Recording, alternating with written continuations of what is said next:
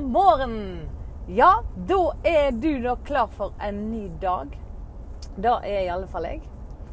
Og i dag så tenkte jeg jeg skulle fortsette litt med temaet for eh, det som vi hadde sist, i forhold til du får da du Ikke det du fortjener, du får det du fortjener.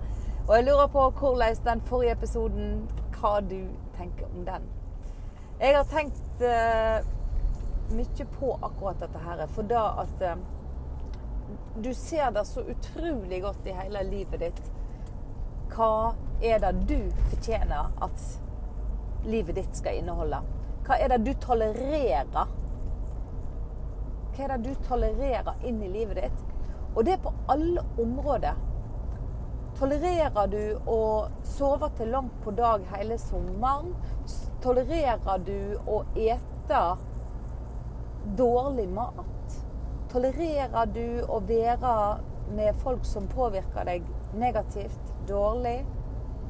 Tolererer Hva tolererer du? Jeg snakker jo hele tida om at du skal elske din neste som deg sjøl. Som deg sjøl. Og hvis du gjør det, så vil du nok lære deg til å tolerere mindre av det som er lite gunstig for deg. For det er klart da at når vi ikke helt setter pris på oss sjøl For det første så Dette da merker folk.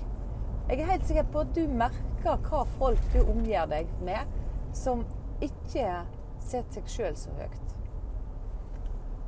Og da automatisk gjør ikke vi det heller. Ikke på, vi kan godt gjøre det mye mer enn vedkommende, men jeg ser da at folk som setter høy pris på seg sjøl, de på en måte Det høres kanskje veldig rart ut, men det er nesten tar mer hensyn til de Tar de mer på alvor.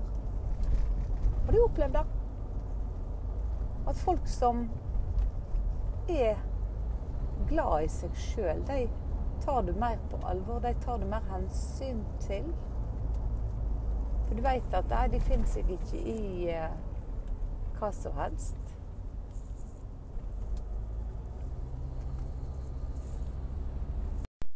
Ja, dette var en episode som uh, ennå ikke var kommet ut før i dag. Jeg tok den opp uh, før ferien.